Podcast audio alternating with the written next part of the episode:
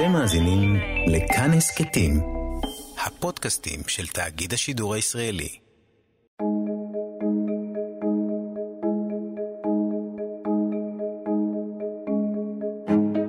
בסוף יש פה איזו אישה רבנית חשובה, משפחה חשובה, מול כמה בנות שבאבניקיות שהחליטו פה לשאת על מורה, לסגור חשבון. עכשיו בראש החרדי זה מאוד כאילו, אתה יודע, היו דברים מעולם. זה עקיבא וייס, כתב לענייני חרדים בכאן. שבוע אחרי שנים של סאגה משפטית מתישה, הוחלט להסגיר לאוסטרליה את מלכה לייפר, מגה עבריינית מין חרדית עם 74 אישומים כנגדה, אבל גם עם גב של ממסד רבני חזק, ואפילו של יעקב ליצמן. אתם על עוד יום, ואנחנו שואלים היום מה לשר הבריאות הנערץ לשעבר ולפדופילית ידועה לשמצה. אה, אנחנו רוצים? עקיבא וייס, שלום. שלום עקיבא. והסיפור של מלכה לייפר הוא בעצם סיפור של עבריינית מין, שלכאורה, שנמלטת מאימת הדין. בוא נספר את הסיפור. אנחנו מדברים על uh, שנות האלפיים בערך, uh, מלכה לייפר מגיעה לאוסטרליה, לקהילה החרדית החסידית, כמנהלת מבטיחה של הבית ספר. מישהי מישראל, אשת חינוך, היא הייתה קודם לכן בסמינר בבני ברק של גור, בית ספר. כוכבת. כוכבת, היה לה שם טוב. זה היה מוזר כבר אז שהיא הגיעה לשם, לא כל יום מנחיתים אה, זה, אבל אה, היו דברים מעולם, כמו שאפשר להנחית ראש ישיבה מוצלח מאוד, או איזה פוליטיקאי להיות איזה מנכ"ל, היו דברים מעולם.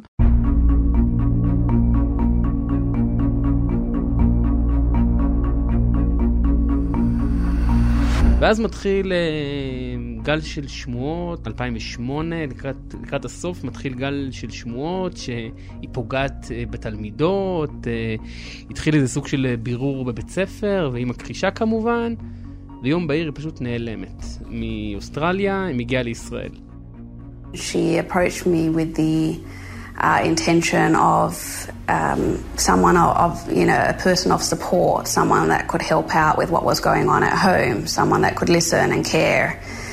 And over time, she uh, molested and then raped me. זה הקול של דסי ארליך, היא אחת משלוש אחיות חרדיות שלייפר פגע בהן מינית והגיעו בעקבותיה עד לישראל. מאוד נדיר שאנחנו רואים קורבנות, בטח נשים, של תקיפה מינית ברחוב החרדי, באות בפנים גלויות ואומרות, היא פגעה בנו, תענישו אותה. כן, זה נושא שלא מדברים עליו, ואני חושב שגם בציבור הכללי אה, נפגעות מין לא, לא, לא רצות, לא אה, רצות להצטלם. כן. כל כתבה שאנחנו רואים, מי שעומד מאחורי זה ומנסה לשכנע אותם, להסביר להם את החשיבות, או שהם מעצמם רוצים. הקורבנות של לייפר לא שתקו. דסי ושתי האחיות שלה טסו לישראל ורדפו אותה באומץ בלתי ייאמן. הן הגיעו לכנסת, דפקו על כל דלת שאפשר, והצליחו להביא אותה עד לספסל הנאשמים. או אם לדייק, עד לדיון האם היא בכלל תשב עליו. מלכה לייפר אומרת, אני לא כשירה, אני משוגעת, אני פסיכוטית, ומפה מתחילה מסכת של הוכחות, האם היא כשירה נכון, או לא. ואז יש איזה ארגון אה, לא תשתוק, אה, אולי סניף אמריקאי שלהם, בעצם שם עליהם מעקבים. יש חוקרים פרטיים שמגלים שהיא מנהלת חיי שגרה רגילים. בעודה טוענת שהיא משוגעת. נכון, רואים אותה עולה לאוטובוס, יורדת, עושה קניות, אה, מתקשרת, הכל רגיל, ואז מתחיל אה, סוג של לחצים, שוב, מגישים לבית משפט, והיא מצליחה למרוח את זה, למרוח, למרוח, למרוח, כל פעם העורכי דין מוצאים עוד איזה סעיף ועוד איזה משהו, אז דוחים את הדיון בעוד כמה חודשים. החוקרים הפרטיים הפריחו את חוות הדעת שקבעו שלייפר לא שפויה.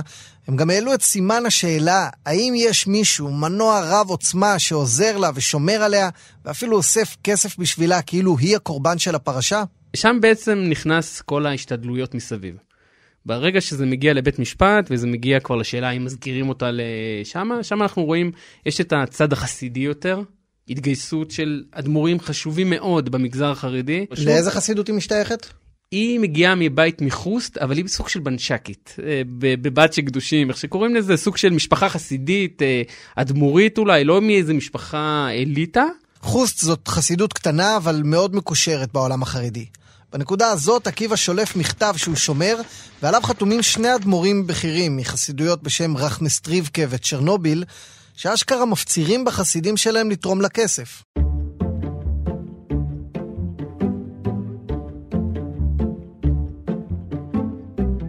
כותבים ככה, אה, פדיון שבויים עבור הרבנית הצדקנית בת קדושים אשר אנשים בני בליעל העלילו עליה עלילות שווא ושקר ואז הם אומרים, עד כה הוצאות המשפט עלו 70 אלף דולר, וזה עלול להגיע למאות אלפים, ולכן צריך לתרום ככה וככה וככה.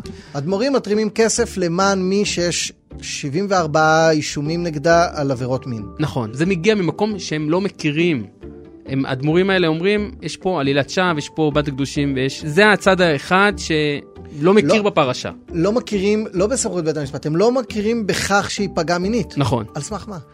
על סמך מה? אה, היה לי שיחות בזמנו עם איזה רב שתמר בה, ואז הוא אומר לי, תשמע, מגיעים לפה שלוש שבאבניקיות. הם לא מבנות האליטה של הבית ספר שם. אנחנו צריכים להאמין להם, לעומת יש לנו פה איזה רבנית, מחנכת. כאילו זה סוג של... מילה מול מילה. כן. מילה מול מילה, ופה יש פה איזה מישהי חשובה, ופה איזה מודרניות כאלה לא ברורות. אז זה בעצם הסיפור. אישה עם מעמד משלנו, מול בנות שאולי מעוררות בנפשן מההתעללות שעברו, כנראה קצת פחות חרדיות למראה. וכך קהילות חסידיות התייצבו לצד לייפר, טענו בלי לבדוק יותר מדי את הפרטים שזאת עלילת דם, והתגייסו למשימה של הצלת אישה יהודייה מכלא בחוץ לארץ. זה אנשים מאוד נורמטיביים. אני שואל אותם, היה לי המון שיחות איתם, אמרתי, איך אתה יכול להגן עליה? באיזה צורה? כאילו, גם יש לנו גם הלכות וגם זה. ואז, ושם נכנס התיאוריה החדשה, מותר לעזור להם, למה? כי מדובר בפדיון שבויים. הוא אומר, אני, אני לא נכנס איתך לוויכוח אם קרה או לא קרה, מצידי קרה. עצם הזה, אנחנו כיהודים מעבירים יהודייה למדינה של גויים, בהגדרה זה פדיון שבויים.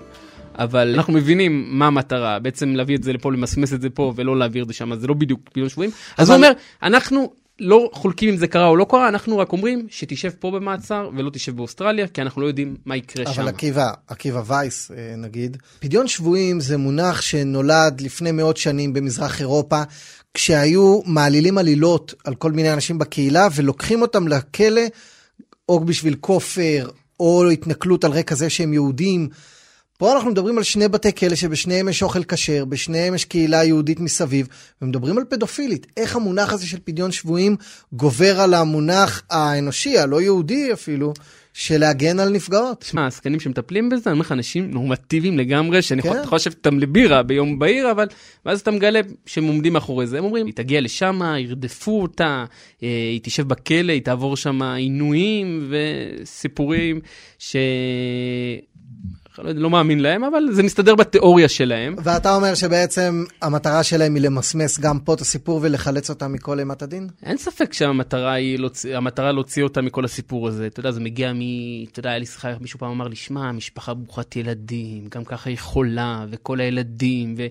וכל הרגש שאתה יכול לשמור, רק אתה לא יכול לשמור רגש אמפתיה לאותם אלה שנפגעו. אז ככה יעשה לפדופילית שמקורבת לאדמו"רים הנכונים. אנשים עם הרבה כוח התחילו להפעיל אותו כדי לעזור לה, והלחצים שלהם הגיעו עד יעקב ליצמן, כך חושדת המשטרה. החומרים שבידי המשטרה מעלים חשד סביר כי ליצמן ביצע עבירות בחריגה מסמכות, ונבדק אם יש קשר בין העיכובים בהליך ההסגרה לפעולותיו. יש משהו במגזר החרדי, אדמו"רים ורבנים, יש לחץ על פוליטיקאים. פוליטיקאים בסוף לא נבחרים בפריימריז בחרדי. בסוף האדמו"רים, ברגע שפונים אליך כמה אדמו"רים חשובים, ואומרים לך, תשמע, יש פה פדיון שבויים, יש פה זה וזה.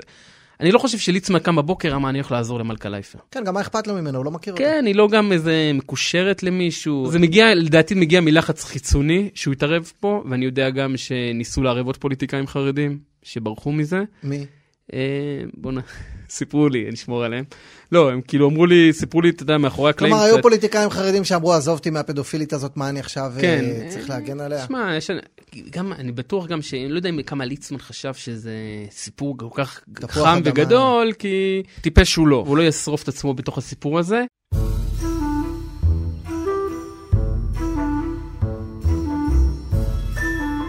טיפש או לא, ליצמן חשוד שהפעיל את הכוח שלו בתור שר בריאות כדי שפסיכיאטרים שכפופים לו יהיו לטובת לייפר. כלומר, יקבעו שהיא לא שפויה ובעצם לא צריכה להיענש. אם זה נכון, זאת כמובן שחיתות איומה, אבל זה מה שאומר ליצמן בחקירה, על פי הכתבה של רועי ינובסקי בכאן חדשות. פנו אליי המון אדמו"רים בנוגע למלכה לייפר. אני בכלל לא הכרתי את הנושא לפני כן. שאלתי את גורמי המקצוע במשרד הבריאות על מה מדובר.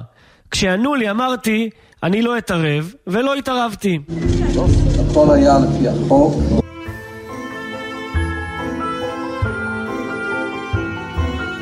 אני זוכר מכתב שהיה לטובת מלכה לייפר, של הרב יצחק זילברשטיין, חבר מועצת גדולי התורה של דגל התורה, חתנו של הרב אלישיב, ומי ש... חתום לידו?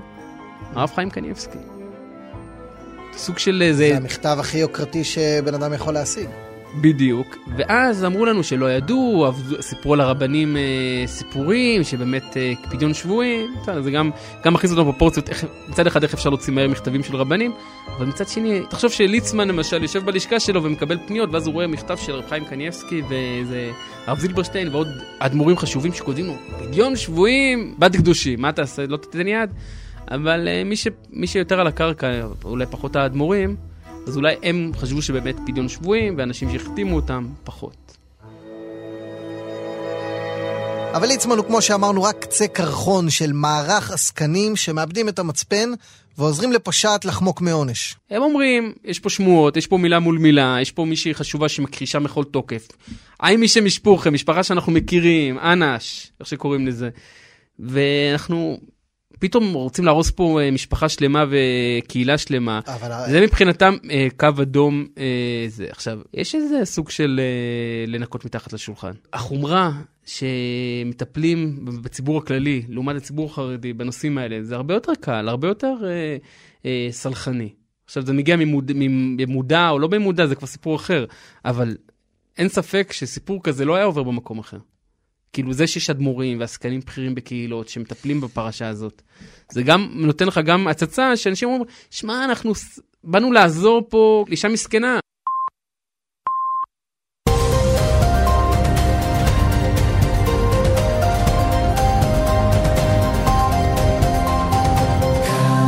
שר הבינוי והשיכון יעקב ליצמן הודיע על התפטרותו מהממשלה על רקע הכוונה להטיל סגר בחגי תשרי. זאת הסיבה הרשמית להתפטרות, אבל כל גור בחסידות גור יודע שזה הרבה יותר רחב. יש פה גם התקררות בין ליצמן לצמרת החסידות, אבל גם שורה של מכות תדמיתיות שהוא חטף, שהקורונה לא בטוח שהייתה הגדולה שבהן.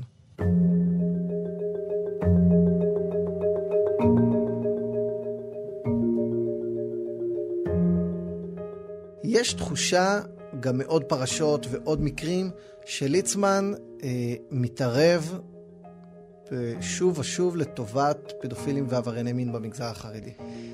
תשמע, אה, הסיפור של פדופילים ועברייני מין, וסתם עבריינים שיושבים בכלא, בטח אם זה חרדים, יש לזה אוזן קשבת אצל הנציגות החרדית. שמענו על זה, אתה יכול לשמוע את זה בהרבה מקומות. אה, ליצ, ליצמן עצמו, אתה שואל אותי האם הוא לקח את זה כאיזה משהו, זה לא נראה לי, לא נראה לי. זה מה, זה, ב, זה בתחושת המיעוט מול הרוב החילוני המאיים, ואנחנו נגן על בנינו גם אם הם פשעו? זה סוג של בוא נציל את ה... מגובה האריות כאילו. נכון שהם פשעו, נכון שמגיע להם אה, עונש, אבל יש דרך להעניש אותם. זה שהוא עבריין, אז למה צריך למנוע ממנו אוכל כשר או, או אה, תפילין?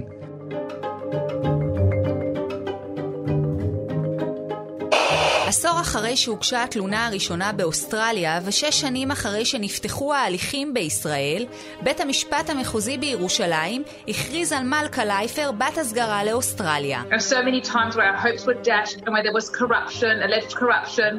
And to get to this point where it's actually reality, that she will be coming back, absolutely incredible.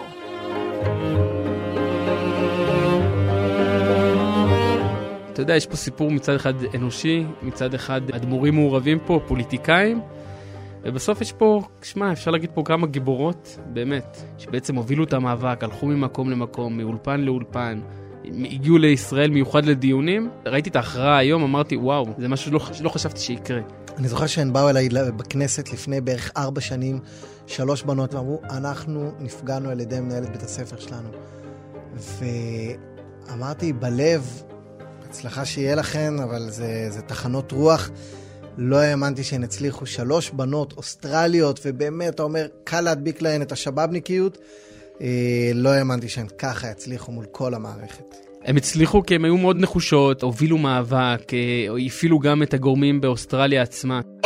Malka Leifer has been deemed mentally fit to be extradited to Australia ending a legal battle that's been raging for six years. טוב, אתם כבר יכולים להבין שעקיבא וייס שיושב מולי הוא חרדי במאה אחוז. זה לא רק הבגדים, הביטויים שהוא משתמש בהם, הוא גם יודע להיכנס לראש של מי שתומך בלייפר ולהסביר לנו אותו בעברית ישראלית.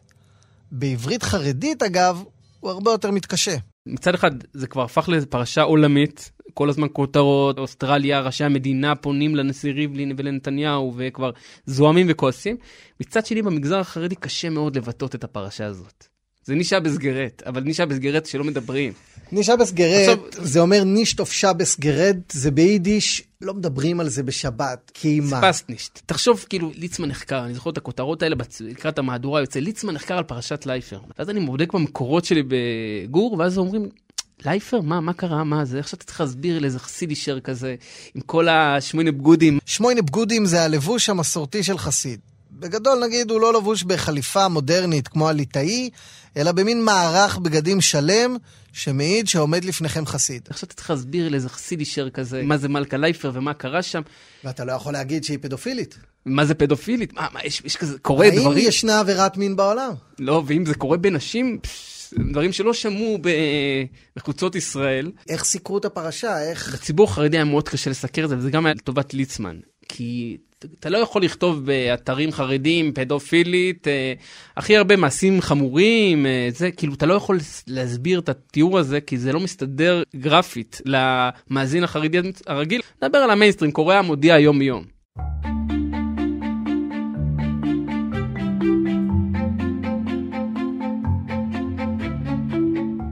אז תגיד, זה שאנחנו רואים בשנתיים, חמש שנים האחרונות, גם נפגעות אה, מינית חרדיות יוצאות בשמן. גם בטוויטר אנחנו רואים כמה אנשים שפתחו סיפורים כאלה, יש יותר ויותר ארגונים. זאת מגמה משמעותית שקורית בציבור החרדי, או שעניין בשוליים ש... שעדיין צומח? תשמע, מה שקורה בציבור החרדי זה ההורים לילדים היום זה חבר'ה יותר צעירים. אנשים שגדלו בישראל. גדלו בישראל, חבר'ה יותר צעירים, שומעים על דברים, יותר uh, מחוברים אולי אפילו ל... אתה יודע, פחות סומכים על ההנהלה ופחות סומכים על הבתי ספר, כאילו, אתה יודע, פעם בית ספר אמר, בית ספר אמר, היום נראה לי הציבור הרבה יותר קשור, וגם יש ארגונים, יש לו תשתוק, יש הרבה ארגונים uh, במגזר שבעצם מלווים אותך ונותנים לך את הגב uh, החזק כדי להתמודד עם זה.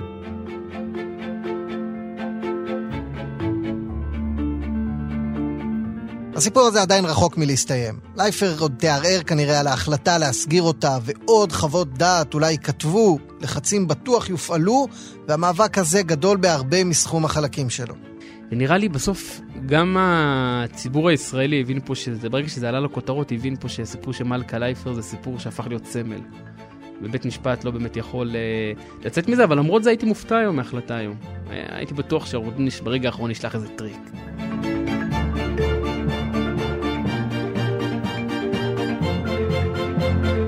עד כאן העוד יום שלנו להיום. תודה לכם, תודה לעקיבא וייס, ותודה רבה לדניאל אופיר, רום אטיק, יאיר ניומן ושרון לרנר. אני הייתי עקיבא נוביק, סעו בזהירות.